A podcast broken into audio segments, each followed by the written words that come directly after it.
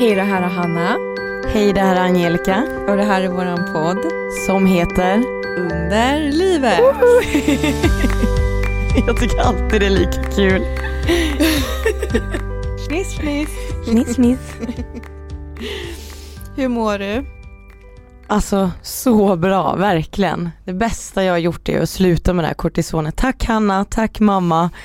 Alltså jag mår så bra. Alltså återhämtad, kroppen känns inte svullen, ingen huvudvärk, jag kan gå i trappor utan att det dunkar. Så himla skönt. Så jag har ingenting att anmärka på idag. Så att eh, medicinen är ju en sån hemsk grej som, eller det är inte hemskt men det behövs men ibland så är det också att det funkar inte för alla och det bästa jag gjorde var att sluta. Mm. Så väldigt bra mår jag. Du gav dig en chans. Jag gav det en chans sju dagar och funkar det inte så funkar det inte. Hur mår du? Jag mår bra. Jag ehm, har ont, men det har jag alltid. jag har eh, smärtstillande, så jag är lite trött av dem. Har du jätteont nu eller känns det ändå stabilt med smärtstillanden?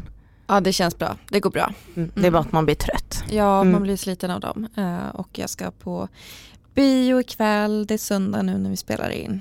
Så det är liksom en lugn mysdag. Vad mysigt. Det känns som så länge sedan jag var på bio nu mitt i all corona. Att de ens, jag visste inte ens att de hade öppnat upp igen. Jo, vi ska se The Joe, tror jag den heter. Nej men jag har inte ens en alltså, koll för jag visste inte ens att det var öppet. Mhm. Gud vad Då mysigt. får du kolla. Det, det har inte kommit så jättemånga nya filmer utan de har ju istället gjort en sån grej att de har visat liksom eh, gamla filmer igen. Men den här är ny. Så jag ska, ja det ska bli kul att se en ny film. Jag älskar ju film. Tänk om du somnar på bion då. Ja det finns en risk att jag gör det. Får luta dig lite mot Olof så här och så låtsas du, som man brukar säga. Tittar du på filmen? Ja, eller nej jag tittar inte, jag lyssnar och så somnar man. Ja, men jag somnar alltid när jag tittar på film hemma. Det är så skönt. Alltså det, det är något speciellt med att så här, få somna när man egentligen inte får somna. Det är då det är som allra skönast att vara så här accepterat. Nej men nu, nu händer det. Nu somnar jag. Det är så många filmer som jag bara har sett halva. Men som du ändå säger, men den har jag sett men du kommer inte ihåg någonting av Nej den. exakt, och så vill man inte se om dem för att man har redan sett liksom, ja, men, den första timmen typ. Och jag hatar att se om filmer. Även om de är bra så gillar jag det inte. Jag läser inte om böcker heller för jag har redan upplevt det en gång. Jag är ju likadan, alltså så här, om man sitter med en kompis och ska välja en film och så säger kompisen, nej men den här måste vi se, den är så bra. Då brukar jag säga, men det är inget kul om du har sett den. Nej precis. Alltså det är verkligen, det tappar hela feelingen. Mm. Jo men jag kan se den igen, bara va? Nej det kan du inte, vi tar något som ingen har sett liksom. Man vill ju uppleva en, för, en för, man vill ju uppleva en film för första gången tillsammans Ja, och se de här reaktionerna. Jag är inte den som går på bio på samma, om det släpps en film och ser den två gånger på bio liksom. Nej. Nej inte jag heller, inte jag heller. Och inget illa mot er som gör det men jag, jag tycker det tappar hela känslan liksom. Ja, jag önskar att jag kunde vara sån för då får man ju liksom mer upplevelser i livet på något vis. Men eh, nej. Tyvärr. Inte. En gång, ingen gång, eller vad man säger, två gånger, två gånger för mycket, jag vet inte. Gud, nu river vi ner allting här. Vi river hela studion, såklart. Angelica är bakis. Alla tror väl att man är full, nej jag skojar. Men man måste skoja till det lite när man är bakis, så att man, för det försvinner ju. Det är bara ge det några timmar men nu är man så väldigt seg Du liksom. ska inte ta en återställare då? Nej för fan, aldrig. Aldrig skulle jag kunna göra Har det. du aldrig gjort det? Ah, nej, jag, alltså jag tror inte det. Alltså det är i så fall när man var ung och var på sådana partyresor då när man var borta en vecka. Men nu skulle jag aldrig klara av Var det. du på partyresor? Ja. Berätta. Kos, Chersonissos, Turkiet, Alanya. Du vet sådana här resor. Då festade man ju, drack varje dag, gick ut. Men då blev man ju inte heller bakis. Och man kunde äta dagen efter utan att må illa. Och så är man inte idag. Nej. Men hur hade du råd med det? Jag jobbar extra. Jag jobbade extra sedan jag var 16. Vad jobbar du extra som? Eh, först har jag jobbat på Svensk adressändring, då pratar man i telefon. Ja. Eh, jobbat på ICA och H&M. Stått i kassan liksom. Ja. Ja. Okej. Så att man fick alltid en extra inkomst och det har ju de kompisarna jag jobbar med, eller de som jag åkte med också har- har jobbat liksom. Ja. Så alla era pengar la ni liksom på att flygbiljetter till eh, något Kos, ja. ställe och sen Drinkar, har du stått på någon bar och dansat. ja det har vi. och ibland var jag, jag har ju alltid så här, eller jag är inte lång lång men jag är 1,72 typ. Mm. Eller 1,71, 1,72. Eh, men ibland var ju de här barborden så låga så jag var alltid den som fick så, så här hukad och dansa. Medan mina kompisar, eh, väldigt sjukt egentligen, är typ alla blonda. Jag har typ bara blonda kompisar Ja. och små, men jag var den här stora brunetten istället. Som stod och dansade. Men fick du mer uppmärksamhet då? Inte alls. Jag kände mig så ful, det var ju bara blondisarna som fick.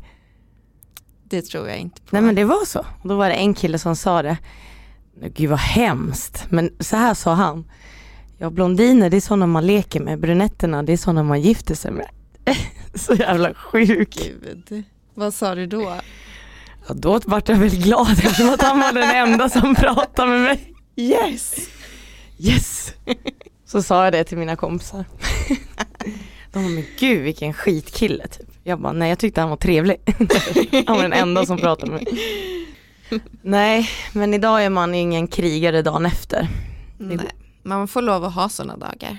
Ja, när det, när det är värt, när man har en bra smärtdag och man känner att ja, men, ikväll vill jag ha kul, självklart ska man gå och göra något kul då, så att det är värt det nu. Man får passa på när man orkar. Ja, Och sen är det faktiskt lite skönt också att känna de här självförvållade smärtorna. det är ju rätt sjukt för att då, blir det så här, ja, men det här är en okej smärta för den här har jag gjort själv och när man jämför den med typ endosmärtan så blir det att eh, de tar ut varandra lite, alltså förstår du vad jag menar? Nej. att eh, den här, man har ingen bakissmärta men man mår ju allmänt dåligt, liksom trött och hängig. Men då vet man att det inte beror på endon och då är det okej liksom. Mm. Ja det är lättare att hantera. och så Lättare vet att Man, hantera. ja, och så, Så vet den man tar att ut-. Endon lite för mamma, nej men det här är lugnt, det här borde jag ju klara av den här dagen. Mm. Medan när det är smärtan, då påverkar ju det hela vardagslivet. Mm. Det är Mm. kanske det lite vi har fått frågor om idag också, att vi ska prata lite om arbete och skola. Ja precis för att eh, vi eh, har ju tänkt att det här avsnittet ska inte gå under ett visst tema som tidigare avsnitt har varit. Utan det här avsnittet så kommer vi prata lite om det som ni vill att vi ska prata om. Och då har vi dels fått ämnen att prata om och så har vi dels fått konkreta frågor. Och vi kan säga redan nu att vi kommer inte besvara alla frågor för att vi känner att vi har eh, Eh, behandlat vissa frågor redan. Speciellt i avsnittet om eh, relationer. Vi har fått väldigt mycket frågor om ja, men på tema relationer. Eh, och vi vill ogärna upprepa oss. Och sen så är det lite framöver här som vi planerar för. Så då kommer vi inte ta upp det idag heller utan då sparar vi på dem. Men eh, jag tänkte jag kan bara nämna lite snabbt att jag var ju hos fysioterapeuten i veckan. Och jag slapp den här behandlingen med fingret. det saknade fingret. jag känner mig inte riktigt redo för fingret. Men jag fick akupunktur och det var jätte, jätteskönt. För jag kunde slappna av och jag blev helt groggy efter det. Alltså det var som att jag var full typ. Och sen så berättade jag för henne att eh, jag tänkt på att jag ska köra hot yoga. Och då tyckte hon att det var en jättebra idé. Eller simning, det som du pratade om att du ville göra. Och eh, då fick jag en utmaning av henne till nästa gång jag ska träffa henne som är om en, en och en halv vecka tror jag det är. Att jag ska antingen prova eh, ett yogapass eller simma. Tills jag träffar henne nästa gång. Men vad kul, då fick vi det lite bekräftat Mm. efter senaste avsnittet. Ja. Och hon sa också att hon kunde ordna om det är så att jag vill att jag provar att simma och tycker om det och det funkar för mig och min kropp så kunde hon fixa den aktiviteten på recept så att det blir billigare. Och då tänkte jag på dig där. Mm. Jag smsade ju det till dig direkt när hon hade sagt det. Typ. Det är det jag ska kolla upp bara hur man får det. För jag var ju inne där och läste eh, när man skulle köpa årskort. Mm. Och då stod det, vill ha eller har du reducerat pris på grund av ett recept? Mm. Betala här. Så att jag Mm. måste ju kolla upp det där. Eh, men det känns jättebra ju. Ja, men jag tänker att det är så himla mycket med en material som kostar pengar. Så kan man spara in några hundralappar på en sån sak så gör man ju gärna det. Det handlar ju inte om att man är snål på något vis. Det går inte att vara snål när man har en material. Vi är verkligen inte snåla. Nej. Gud vad mycket pengar man lägger. Nu har mitt eh, högkostnadsskydd för eh, besök i, i vården gått ut. Så nu kommer det bli dyrt för mig igen och jag är student med bara en termin kvar av CSN. Så ja, nu byter vi ämne tycker jag. Pengaångest, ska vi inte prata om det?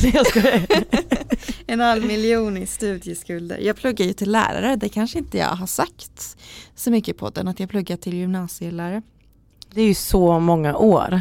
Ja, det är fem år man pluggar och så har jag pluggat i ett och ett halvt år innan det så att jag har ju verkligen maxat. Förstår du hur duktig du är? Att du orkade fem år. Ja, men och, och vi har ju faktiskt lyssnare som har önskat att vi ska prata om det här. Så då kan jag också säga att jag har ett läkarintyg som jag använder för att få dispens på närvaro eller frånvaro kanske man säger. Eh, oftast är det ju en eller två seminarier och föreläsningar som man får missa på en månad. Och det är ganska lite. För om man har ett smärtskov då kanske man är borta en hel vecka och missar hela veckans seminarier. Eller att man känner sig dålig från vecka till vecka. Och det är ju så, missar man föreläsningar då blir det här med frånvaron och då påverkar det till exempel bidraget CSN. Så att det är en väldig press om man har endometrios och pluggar. Så jag tycker väldigt bra att vi tar upp det här faktiskt. Ja, men då är det så att jag har som sagt det här läkarintyget. Så att då kan ju jag vara borta mer och ändå bli godkänd i kursen än vad en frisk person får vara.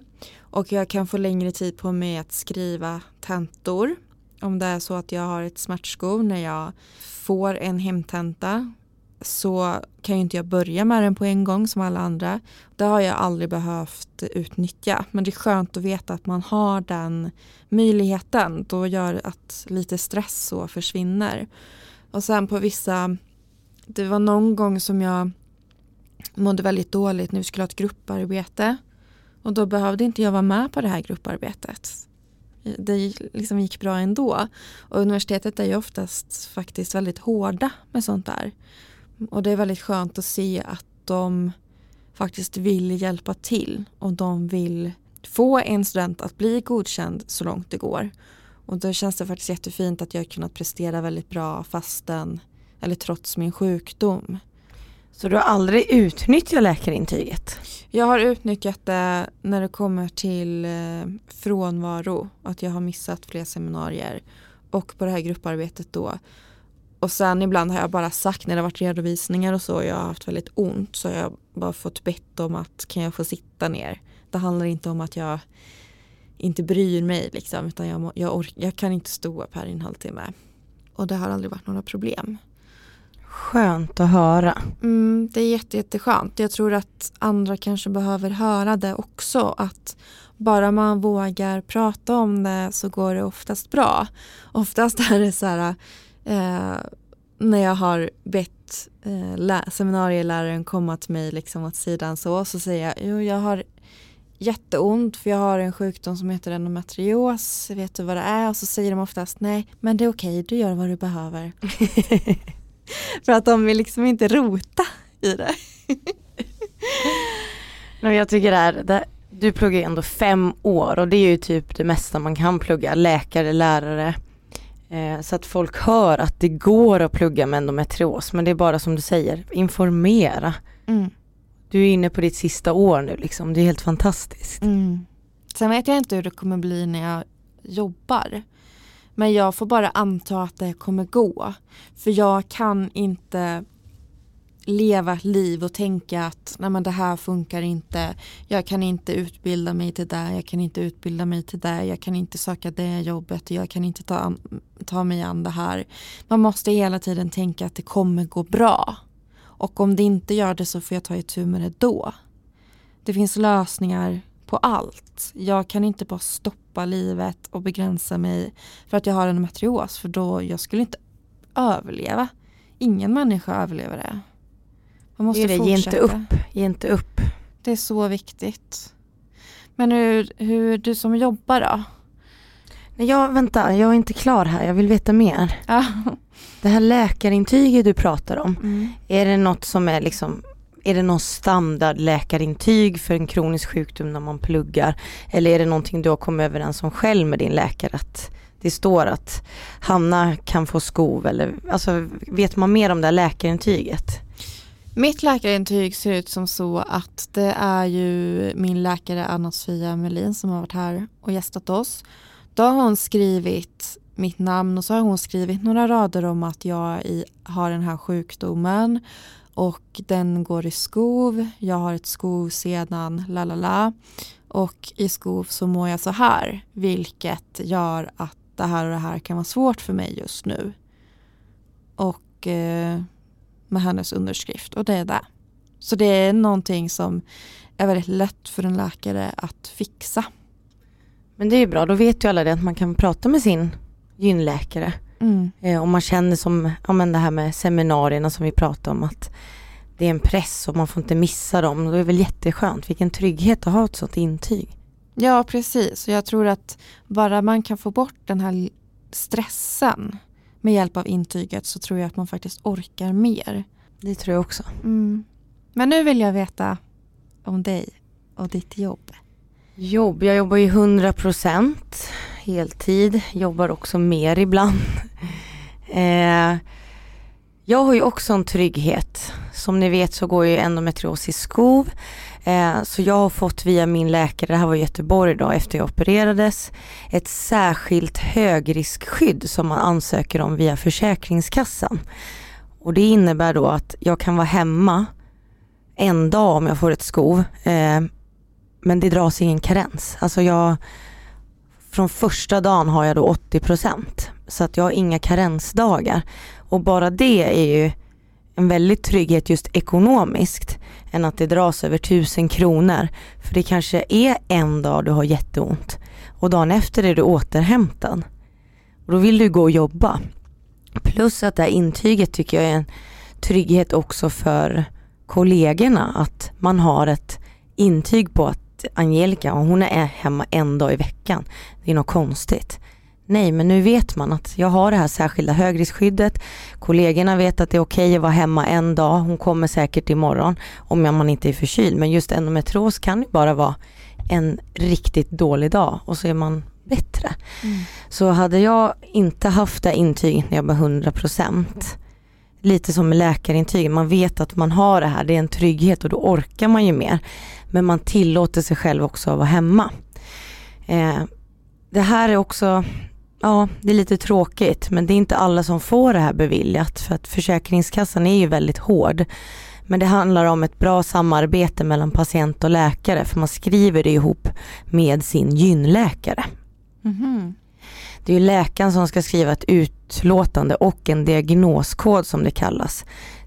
Man kan ju se det om man loggar in på sin 1177 eh, vad ni har för diagnoskoder, om det står endometrios, bakre bukhinna eller det står ju olika eller vart endometriosen sitter och det är det de vill ha Försäkringskassan.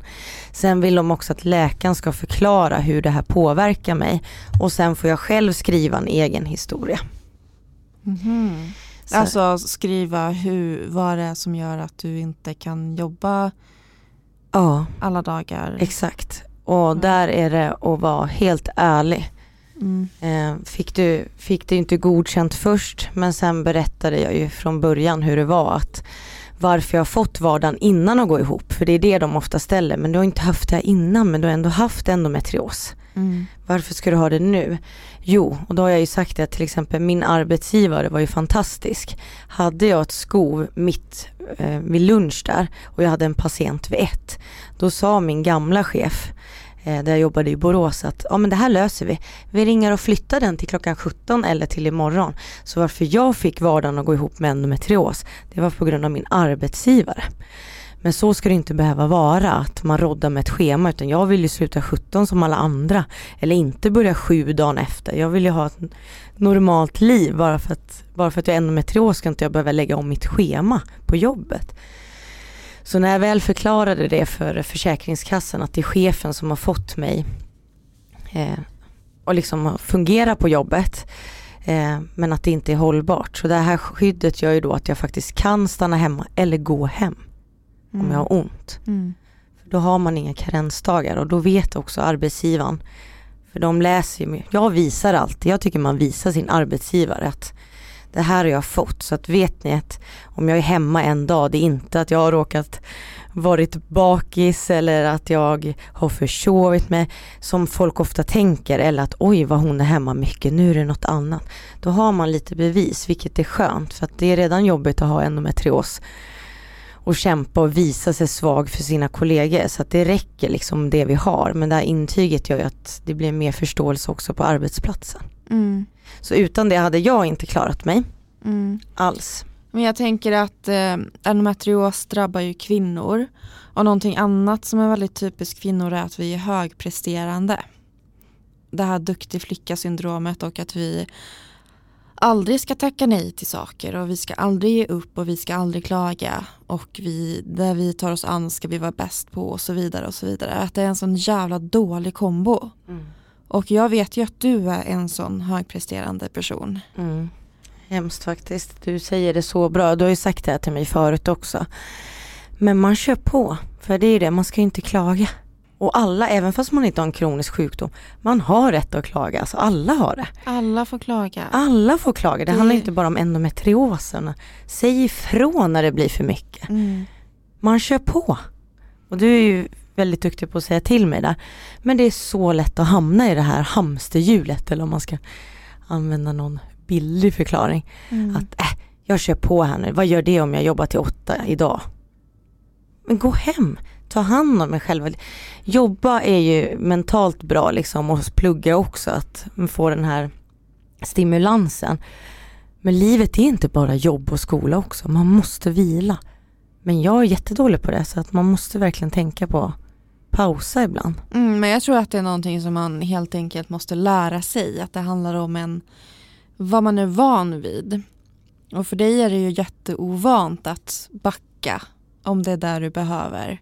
Och jag vet inte, du kanske inte ens inser hela tiden eller varje gång att det är det du behöver. Jag inser nog aldrig det om jag ska vara helt ärlig. Jag inser nog aldrig det. Mm. Och jag tackar alltid ja. Är det någon som ska hålla en utbildning, jag kan göra det. Vi ska göra någon, nu när corona drar i, eller försvinner så börjar allt komma tillbaka till jobbet. Så fick jag förfrågan av min chef att hålla information då för alla Stockholmskontorer om tinnitus eftersom att jag läst lite mer om det. Och det tycker jag är kul. Men innan jag ens hann tänka efter så sa jag ja. Det är också en sån här grej. Ja. Istället för att Ja, men jag ska fundera på det. Bara en sån grej för att låta en landa i, vill jag verkligen det? Vill jag jobba över? Nej, det bara kommer direkt som ett manus. Ja, mm. direkt. Så det är som en reflex för dig? ja! ja! ja! coach, jag är redo, coach. men det är sådana saker man, man får träna på. Men det är verkligen det, för det är inte lätt. Nej. man kan börja med en enkel grej som du har sagt till mig nu. Nu, ska, nu behöver vi inte gå in på vad jag har behövt tacka nej till för det är väl lite privat så. Det är mellan mig och Hanna. Men när Hanna säger, nej Angelica, nu ska du säga nej. Och det är skitsvårt alltså. Men jag ska säga nej nu en gång i veckan har jag ju sagt. Mm. Och det handlar inte om att alla de som jag har planerat den här veckan, att det är någon av er som jag kommer ställa in. Det handlar om enkla grejer, inte ta på sig mer eller nej. jag orkar faktiskt inte ta det här samtalet. Det är enkla grejer. Så nu har jag ju det här en grej i veckan och man får väl börja så tänker jag. Ja, och det handlar ju inte om, om den personen du säger nej till att träffa. Det är ju jätteopersonligt mot andra. Det handlar bara om en själv och vad man har lust med. Och det här måste man ju ändå tänka, för när man avbokar något eller säger nej, den personen som säger nej, det är ju den som mår sämst. Ja, ja Det är det gud, ni måste ja. tänka, för att säger du till mig, Angelica idag ställer vi in podden, då kommer du ligga, åh gud förlåt ändå att det blev så här. Mm, Medan jag är helt fine med det. mm. Det är det man måste alltid tänka hur, hur andra reagerar. För det är bara en själv som får den här ångesten att jag har svikit någon. Medan den personen istället är glad att man är ärlig som du sa. Ja, du kanske då tycker att det är lite skönt att jag ställde in. För du kanske inte heller var så sugen. Exakt, så kom ihåg det också att det är alltid en själv som förstorar det här så mycket. Mm. Jag kan ju berätta om förra, förra fredagen tror jag det var som jag och Olof skulle träffa våra kompisar Elinor och Viktor. Och så hade jag haft en eh, dålig dag, jag hade ont och så kände jag så här eh, en halvtimme innan vi egentligen skulle vara hemma hos dem. Alltså vi skulle bara spela spel och mysa liksom. Och det här är personer som jag känner att jag är väldigt nära så att jag är väldigt bekväm med de här människorna och kan träffa dem i alla mina skick. Men ändå så kände jag att nej, men jag orkar inte det här. Och så ringde jag till Olof och sa till honom att nej, men jag tror att jag måste ställa in. Alltså hur ska vi göra? Och jag får dåligt samvete för dig och jag får dåligt samvete för dem och jag känner mig så kass för nu ska vi liksom snart träffa, vi, ska ju, vi borde vara på väg nu egentligen till dem. Men istället ligger jag här och vet inte ens om jag kan åka dit. Och så blev jag så här ledsen när jag pratade med honom så jag började gråta. Jag kände mig så dum. Och sen så skickade jag ett, skickade jag ett sms till Elinor. Där jag skrev att blir du arg på mig om jag inte kommer? Och det är klart att hon inte blir arg på mig. Alltså, och Elinor är ju världens finaste vän. Liksom. Och sen kände jag att jag var tvungen att ringa upp henne. Och så bara svarade hon och jag bara Elinor! Är du arg på mig? Kommer vi ses någonsin igen? Jag bara grät och grät och jag var så här, jag längtar efter dig så mycket. För jag, vi har inte setts på länge heller. Det var, det var så skönt på något vis att gråta men där fick hon så här hantera en stor bebis på något vis. Och så hörde man Viktor i bakgrunden bara, det går bra, det går bra. Hälsa Hanna, hon ska vara hemma, det går bra. Ni hör ju. Så här är det, det här är din hjärna som tänker allt det här. Ja. Det är liksom jordens undergång medan de bara, ja men vi tar en annan då. Ja, de hade Åh, köpt massa öl och Elinor bara, vi kan dricka dem själva. Det gör ingenting. Alltså de är ju ändå ett par som gillar att umgås med varandra liksom. Ja de kan ju spela spel och så, Ja, det har ju ingenting med att oj Hanna kom inte, nej men nu väntar vi till och dricker upp de här ölen och tar fram spelet till nästa gång. de blev säkert superglada för det kunde ju de ligga lite också. Exakt. Förlåt Elinor. De kanske hade värsta feelingen hela dagen, fan att de ska komma men det blir ändå trevligt. Det är det här man inte vet heller. Men bra då. Och sen ringde jag Olof igen och var jätteledsen och bara, "Ja, nu har jag pratat med Elinor. Så det blir ingenting liksom. Han bara, men ska vi, för vi hade bestämt att vi skulle äta pizza. Så, så han bara, okej men ska vi äta pizza ändå? Jag bara, ja, vart då? Men normale, som är liksom en jätte fancy pizzeria här i Stockholm. Jättefin pizza. Han bara skrattar rakt ut och bara, ja, vi kan käka där. Så man måste ju utnyttja sina stunder också. Ja. Ja, Det är så roligt att höra för så här tänker man ju. Det är så här hjärnan går. Och sen ska man också få, man har gjort bort sig tänker man. Sen ska du få en liten belöning med en bra pizza. Ja. Liksom. Jag jobbar väldigt mycket med belöningar ska sägas. Åh gud. Ja, nej men just det här. Bli en nej-sägare. För att det är väldigt svårt. Så försök att bli Ja. det i alla fall. Ja. Jag Mm. kanske ska bli lite mer av en ja-sägare för jag har nog snarare den här nej-reflexen. Inte när det handlar om att jag tar på mig grejer för det gör jag väldigt mycket så här. ta på mig projekt och så. Men sen när det kommer till att dra ut och ta en öl eller dra på någons middag eller så blir det många nej för att jag känner plötsligt att så här, om jag har det minsta ont så tänker jag att jag kommer vara så himla tråkig. Och det stämmer ju säkert inte och så här, bara för att man är tyst så är man inte tråkig. Heller. Nej och det kan jag säga att det stämmer inte utan känner man att ja, men, det här kan bli kul. Alltså man, hjärnan tänker det här kan bli kul men man kanske har haft ont hela dagen. Man behöver inte vara ute länge men bara att man träffar sina vänner och de är bara glada att man kommer. Och man får gärna säga ursäkta jag har haft lite ont idag så jag kanske sitter lite tyst för det känns alltid bättre för en själv. Men det är ingenting någon tänker på. Det är Nej. bara hos oss återigen. Mm. Ja, man, man blir på något vis verklighetsfrånvänd. Om man ser sanningar som inte finns för någon annan. Det är, man borde kanske ta hit någon psykolog någon gång och diskutera det här med för det är så himla intressant. Alla de här hjärnspökena och bilden av verkligheten som man bygger upp och föreställer sig som inte ens stämmer för alla andra som är i ens omgivning. Men det hade verkligen varit intressant att få höra någon som jobbar med det här, som kan hur hjärnan fungerar. Mm. Att när man till exempel säger nej, vad är det som händer i kroppen? Det måste ju vara någon liknande kristanke liksom, även fast vi har det ju bra här i Sverige, vi har inget krig eller något. Är det så att vi kanske är för bortskämda, att vi bygger upp eller hittar på egna sådana här krissituationer? Vad är det faktiskt som händer i hjärnan? Det hade varit skitkul att få veta. Men ska vi inte ta in någon som kan det här? Ja, nej men vi kommer ju leta såklart men vi efterlyser ju alltid innebandylag och allt möjligt här. så är det någon som vet någon psykolog så skriv gärna. Ja. Annars så löser vi det på något sätt. Mm. Men är det någon som har tips om någon som vill komma och prata? Och det behöver inte, det kan ju vara faktiskt någon som pluggar också men ja, helst, ja. Gud, ja. helst en psykolog men just att någon, någon som läser till psykolog är också bra. Mm. Det hade varit jätteintressant. Det vill vi ha. Marielka, du hade lite frågor va? Från eh, Just det. Våra lyssnare. Vi har ju fått in och som Hanna sa så tar vi inte upp allt utan vi har plockat ut några. Eh, och första frågan var ju Eh, var ni, alltså Hanna och jag, eh, tveksam, tveksamma till eran operation? Alltså om vi ville vi eller ville vi inte? Vad tänkte du Hanna? Jag var inte tveksam. Jag tjatade mig till en operation för att jag tänkte att det var enda vägen till en diagnos. Men så här i efterhand så kan jag på något vis ångra att jag opererades för att jag blev sämre efter operationen.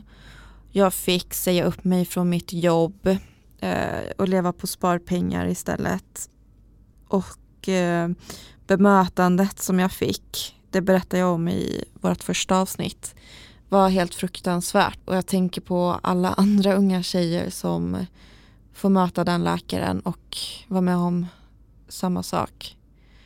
Eh, att få höra på uppvaket att man eh, borde skaffa barn, det var, jag, jag, jag visste att man kunde få höra den saken. För jag hade ju läst på väldigt mycket. Men när jag själv fick höra det så blev jag så... Alltså jag, jag, blev, jag blev så chockad att jag hade inget svar på tal. Och jag, där låg jag med smärtor, omtöcknad, ensam och bara kände mig så himla liten och så får man höra någonting sånt. Men eh, även om han inte hade bemött mig så, så hade jag som sagt ångrat, ångrat eh, operationen för att den gjorde mig... Man hittade ingen endometrios och jag blev sämre. Så för mig har inte operation varit det ultimata och jag känner inte heller idag att jag skulle vilja opereras igen. Faktiskt, jag är rädd att bli sämre eftersom att endometrios eh, trivs ju i ärrvävnad. Du då Angelica?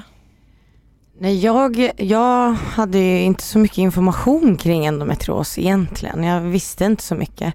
Så jag tackade ja just för att mina organ började växa ihop. Eh, liksom växte samman och då får man ju...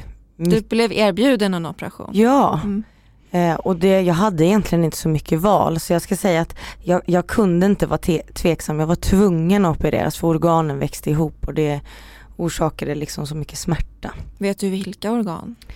Med bukhinnan växte det ihop så äggstocken var liksom, ja, allt var uppskjut, alltså allting var upptryckt kan man säga. Så Men hade... gjorde det ont då när du stod i vissa... Så här.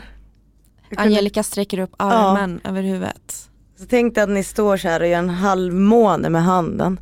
Stretcha liksom. Ja, det var ju, alltså jag kände att jag satt fast. På oh riktigt. gud vad konstig Tänk dig typ ett tuggummi, ni drar tuggummit från ena handen till andra. Så kändes det som att kroppen liksom töjde sig. Så jag hade inte så mycket val. Men om jag hade haft ett val så hade jag inte velat operera mig eftersom att, som jag också tog upp, att jag har ju fått mycket mer smärta. En smärta som inte är hanterbar när det är ett skov för att det påverkar ju allt liksom. Så smärtan blev ju värre för det triggar ju nervsmärtan. Så att hade jag fått ett val så hade jag nog inte opererat mig. Men jag hade inget val. Men så här, då eh, lossade de på sammanväxningarna? Exakt. På allt? Ja. Hittade de några cystor eller något? Nej, jag har ju bara haft härdar och sammanväxningar. Mm. Och när jag låg på uppvaket så sa ju läkarna att Ja men du vet man var ju helt borta i morfin. Min operation gick ju inte bra heller. Det tog ju mer än två timmar så jag fick en nervinklämning så jag kunde inte gå på mitt ben så jag fick ju gå och träna liksom. Det vart fel för när man låg då, man opereras ju i en typ gynstol. Ja det är så konstigt. Jättekonstigt men då hade jag ju legat för länge så min nerv, jag hade fått en nervinklämning. Så jag kunde inte gå. Jag hade ju rullator, alltså jag gick ju runt med rullator liksom. Men eh, är det här någonting som du kunde anmäla till IVO eller? Ja det är väl klart men jag vet inte. Alltså jag har nog fortfarande inte så bra kunskap kring det men det borde jag ha gjort. Ja. Men då sa han i alla fall på uppvaket att nu är det lossat kommer jag ihåg. Eh, men när man kom in där så såg allt ut som, vad fan var det han sa? Skottdrama. Sa han skottdrama? Jag tror han sa skottdrama. Att det var liksom det var så mycket inflammation, allt bara växte samman. Alltså det här, jag var ju helt borta då men ja. att det såg så hemskt ut att det tog mycket längre tid än vad de hade tänkt. Och hade de fått välja så hade de, eftersom att allting var centrerat på vänster sida så hade de ju valt kanske att gå in med ett snitt där för en titthål gick inte så bra för mig faktiskt. Mm. Så att de hade nog behövt mer utrymme. Nog om den nu då, men jag, jag hade tackat nej om jag hade klarat mig på hormoner och smärtstillande. Mm. Mm. Men det här, det ska också tilläggas att det här är ju våra subjektiva eh, upplevelser och tankar och eh, känslor. Så vad vi säger är ju varken rätt eller fel. Nej, det är jätteviktigt för vi är inga läkare heller utan vi kan väl mycket tycker jag men det här är ju som sagt våra historier. Mm. Så om, det, om jag faktiskt får passa på en grej. Vi är ändå väldigt duktiga på att svara på underlivet podd och i våra egna. Men ibland om man, om man upplevs som På kort, Instagram alltså? Ja, förlåt, Instagram. Mm. Eh, men just så här när man får något svar och vi kanske svarar lite kort om det är Hanna eller jag. Då säger vi kanske, ja men lyssna på podden, det här är våran historia eller det här, det här är våra individuella historier. Det är just för att vi kan inte säga vi kan inte sätta en diagnos. Ibland blir vi kanske lite korta för att vi kan bara relatera till oss själva. Ja precis, vi har ju ingen vårdutbildning på det sättet och eh, det blir svårt för oss att eh, ge rekommendationer som kanske är lite typ, vissa, vissa grejer kan vi självklart svara på för att de är ganska ofarliga och sådär. Men vissa frågor som vi får är ganska komplexa och kan vara lite känsliga. Så där kanske man ska passa sig lite mer för att svara som en Alltså vi är ju proffs på det viset att vi är drabbade själva. Och jag kan faktiskt tipsa om freja.se Freja med Y. För det, det är en feministisk eh, vård, eh, ja vad ska man säga, det är en hemsida, den finns som app tror jag kanske. Men det är framförallt en hemsida där man kan prata med läkare och med barnmorskor om eh, kvinnosjukdomar och tillstånd och besvär som drabbar kvinnor. De är superbra, de är engagerade. Så om man känner att man inte blir sedd eller hörd på vårdcentralen när man söker hjälp där eller ungdomsmottagningen eller hos eh, gynekologen och så vidare. Och då kanske man vänder sig till oss för att man känner att man blir sedd och hörd av oss. Men jag kan också rekommendera er att vända er till freja.se för där finns det personer som vet mer än oss och som är uppdaterade på forskning för det är inte vi och så vidare. Nej men så ta åt det för att det är också så här med medicinsk. Vi kan inte jämföra. Nu råkar Hanna och jag ha eh, båda Palexia som smärtstillande. Men det betyder inte att alla andra ska ha det. Att mm. man verkligen får sin rätta behandling. Precis. Eh, Angelica har ju andra sjukdomar också som spelar roll för vilka mediciner du tar och så vidare. Så det är bara en liten parentes vi vill nämna. Det är viktigt att ta upp ju. Väldigt viktigt och bra med en liten vägledning vad man kan vända sig istället. Ja. Om man Men man får alltid, alltså vi tar alltid emot er. Vi vill inte att ni ska känna er ensamma och ni ska absolut inte vara rädda för att höra av er till oss. Det är ju därför vi finns liksom, för att Exakt. vi vill enas mer. Det var ju mer att vi ville förklara att om man ger lite dåliga svar att ni förstår varför vi kanske inte kan uttrycka oss om allt. Mm. Vi är lite försiktiga helt enkelt. Men då tar vi nästa fråga. Mm. Eh, och jag tror att jag hoppar faktiskt att svara på den för du har väldigt bra här. För jag, Aha, eh, här är, jag vill veta eran att göra-lista när ni har ont. Mm, ja, jag har ju haft ont eh, varje dag väldigt länge och jag kan säga att jag lägger väldigt mycket pussel.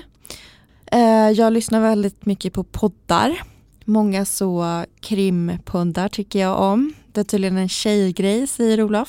ja just det.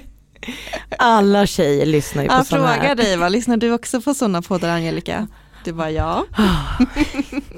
Eh, vad gör jag mer? Jag tar många, Ligger många bad. Oj förlåt. Va? Vad skulle du säga? Ja nu hörde de ju, men jag säger här nu. Är det att du går ut på promenad och lyssnar på podd eller alltså varierar? Att ja, du ligger i sängen eller? Om jag kan gå ut på en promenad så försöker jag verkligen göra det. Jag bor på Gärdet i Stockholm så att jag har nära till Djurgården.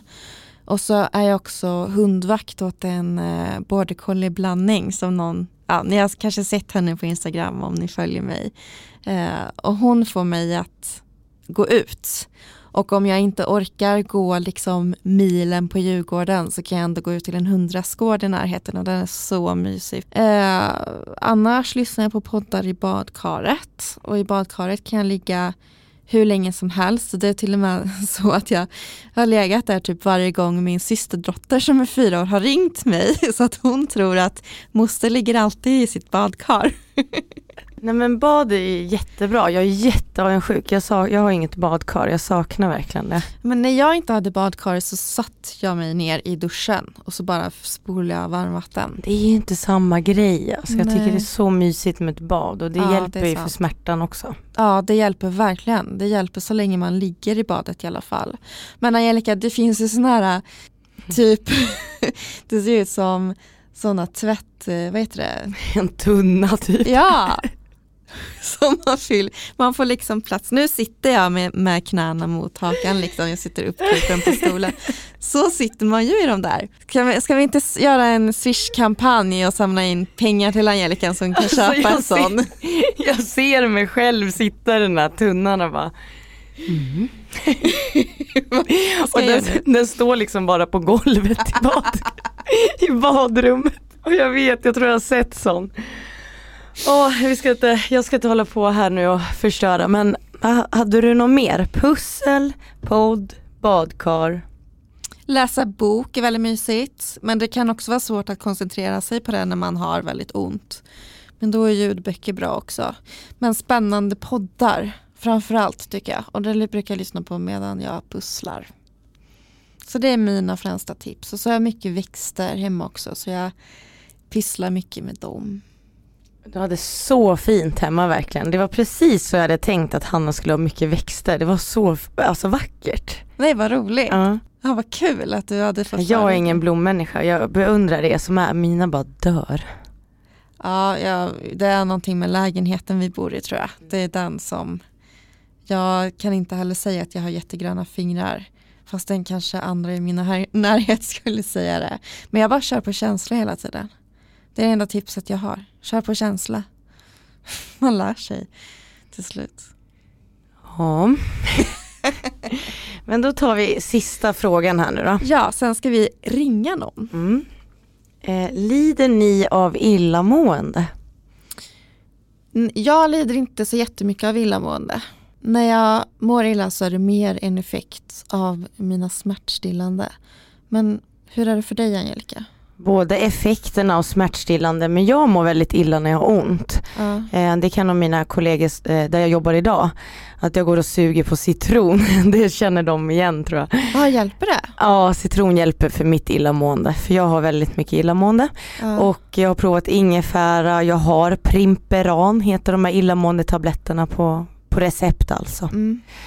Eh, men det som jag tycker är bra det är citron och så tar jag som små trekanter så går jag och suger på den. Så jag Aha. går med så här gul i munnen. Men gud, men varför funkar det? Jag det vet inte. Men citron är bra för mitt illamående så att jag har alltid citron hemma och jag tar med till jobbet också. Ja, men det är ju jättebra ju. Så jag Ja. lider av det, den som har frågat och det är inte kul för att eh, det gör ju en osäker i vardagen. Oj, vågar jag göra det här nu? Uff, nu ska jag gå och hämta min patient eller uh, så tänker man. Har det blivit så att du har kräkts? Ja, jag har en, varför kallar jag det rolig historia? Men jag hoppas att ni fattar vad jag menar. Jag hade sånt jäkla skov Ja. eh, och då jobbade jag på ehm, som audionom i Borås och där hade man papperspåsar där det står vi kan hörsel och där packar man ner hörapparaterna och sådär. Och jag fick ett så här, ja jag måste spy, ni vet så här när det bara vattnas i munnen. Ja, åh fy. Ja, och jag bara, det enda jag såg var den här vi kan hörselpåsen som är gjord av papper. Mm. Så jag har panik där framför, jag hade patient inne på mitt rum. Så jag tar den här vi kan hörsel och så spyr jag i den och ni vet ju att spya är ju varmt och det var papper så allting bara gick rakt igenom. Så han trodde väl att jag var gravid eller något och det får han tro. men det var ju bara ringa städ, städfirman tänkte jag säga, nej men städ, städarna och komma. Så jag har fått det på besök, alltså spytt framför patient. Ja men då förstår jag ju att du är extra rädd när du mår illa för att du vet att det faktiskt kan hända att du kräks. Och nu när jag får det, om jag känner det, ni vet hur man mår när man mår illa, då springer jag ut direkt. Ja. Nu vågar jag inte ens chansa längre utan jag säger bara ursäkta, eh, måste bara hämta en grej. Om jag jobbar till exempel. Ja. Åh herregud. Har du provat såna här ä, armband någon gång? Nej, jag har faktiskt inte det. Jag köpte det här om dagen just för att jag kan bli så illamående av Palexia. De är, du får prova. De Och då är det på apoteket, Ja. receptfritt? Mm. Den Jaha. kostar typ 160 kronor så kan man ha dem i typ fem år. Va? Det sitter en eh, kula på dem, en, en sån här plastkula som trycker på en punkt på handleden. Då har de på båda handlederna, ett på varje, eh, som ska hjälpa att eh, ja, men ska hjälpa mot illamående. Det kommer jag verkligen testa. Ja, nu funkar ju citron väldigt bra för dig. Men Ja, jag tänker det. liksom, för att jag brukar ju också köpa eh, vad heter det, på Stafen. Och det är ju svindyrt. Och det är inte alls många tabletter i en sån. Så det här, de här banden är ju, Prisvärt. ja, jag vet att min syster som också har, hon har ju en matriosbesvär och har troligtvis en matrios men hon har ingen diagnos än. Hon mår väldigt illa. Oh, oj gud, nu satt jag halsen. Och hon har sådana band som jag tror att hon tycker är väldigt bra. Det är ett bra tips. Nu eh, ska vi ringa ett samtal. Eller hade du någon mer fråga? Nej, Nej. Eh, vi är klara där. Eh, vi ska ringa ett samtal för jag fick en, en, en väldigt trevlig kvinna som skrev till mig här på ehm, Instagram eller var det Facebook. Så vi ska ringa henne så ska ni få höra vem det här är. Vad spännande! Carina. Hej, det är Angelica här från Hej. Underlivet podd. Hej! Hej! Eh, nu undrar ju lyssnarna här vem det här är så jag tänker du får väl presentera dig lite för oss. Ja, men det ska jag göra. Jag heter Katarina Olbers Steinfeld och jag är grundare och ordförande för Barnendometriosfonden som är en stiftelse som jobbar med att sätta fokus på att i stort sett nästan alla som får endometrios blir faktiskt sjuka när de är under 18 år. Och då är man ett barn juridiskt sett. Men vad gör ni då liksom? Vad, berätta vi lite gör, mer. Ja. Vi, framförallt så utbildar vi barn och ungdomssjukvården, föreläser tillsammans med eh, en speciell överläkare i gynekologi som heter Said Makari från Malmös eh, sjukhus, endometriosteamet där. För det är så att barn och ungdomar med mensrelaterad smärta eller ospecifika buksmärtor som söker vård för det hamnar ju faktiskt i barn och ungdomssjukvården. Och där förstår man inte att man kan insjukna i endometrios när man är väldigt, väldigt ung. Så det gör vi framför allt. Och sen så, ja, det är mycket liksom lobbyverksamhet. Få med sig Socialstyrelsen på spåret, eh, försäkringsbolag och så att de förstår att, att de här barnen finns. När startades ni eller hur länge har ni funnits? Vi grundades den 8 mars 2017 eh, och har funnits sedan dess och har ju inte, på grund av att vi inte haft så mycket finansiering så har vi inte kunnat göra trycksaker och massa sånt. Men vi har en hemsida med massor med information som riktar sig väldigt mycket till vårdnadshavare faktiskt. För det är ju så att när, som vårdnadshavare så är man ju ansvarig för sitt barns väl och ve och hälsa. Så att man liksom är påläst och förstår hur man ska förbereda sig, kanske inför läkarbesök och så. Och, och vara språkrör för sitt barn, för det är ganska svårt att prata om de här sakerna många gånger. Eh, så det gör vi. Men vad tänker ni med framtiden då? Nu har ni, nu har ni ändå funnits sedan 2017 men vad tänker ni för liksom framtidsplaner? Framåt? Jo, Mm. det är så att vi håller på med en ansökan eh, om finansiering till ett treårsprojekt där vi vill ta fram informationsmaterial i olika former som riktar sig till elevhälsan, till vårdcentraler, alltså väntrumsinformation, eh, fortbildning för personer som möter de här eh, unga patienterna och sen också en, en form av ja, en, en guide, en bok som de som är unga kan få av sin läkare om hur det är att leva med endometrios. Hur man kan ta hand om sig på bästa sätt och vad man ska vara uppmärksam på och sådär. Och mycket handlar ju om, också för oss om att eh, lyfta liksom barnperspektivet, barnrättsperspektivet. För barn har väldigt starka rättigheter. Man ska inte behöva förlora skolgång eller inte kunna ha ett aktivt liv med kompisar och så bara för att man inte får den vård man har rätt till eftersom det är så lång diagnosfördröjning i Sverige. Så det är vårt liksom, avgränsade fokus verkligen, är ju de som är under 18 år. Och visst är det så att du har eh, en egen erfarenhet av det här. Du har inte själv endometrios men du är... Nej, precis. Jag är då förälder till en... Ja, jag har två döttrar. Den ena behandlas ju för endometrios men har inte fått diagnos. Den andra fick sin diagnos när hon var 17 år och hon blev, när hon fick sin första mens när hon var 12 år så blev hon fruktansvärt sjuk på en gång och förlorade flera skolår i grundskolan på grund av att ja, var vi än sökte oss då till barn och ungdomssjukvården och hit och dit så kliade de sig i huvudet och sa att ja, det var psykiatriska besvär eller det var IBS.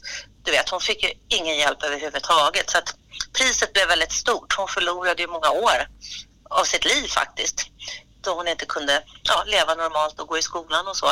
Och jag kunde inte arbeta. Och när man inte kan få en diagnos, då har man inte rätt till vårdbidrag då som anhörig när man vårdar en svårt sjuk anhörig. Det kan ju vara en vuxen men också ett barn.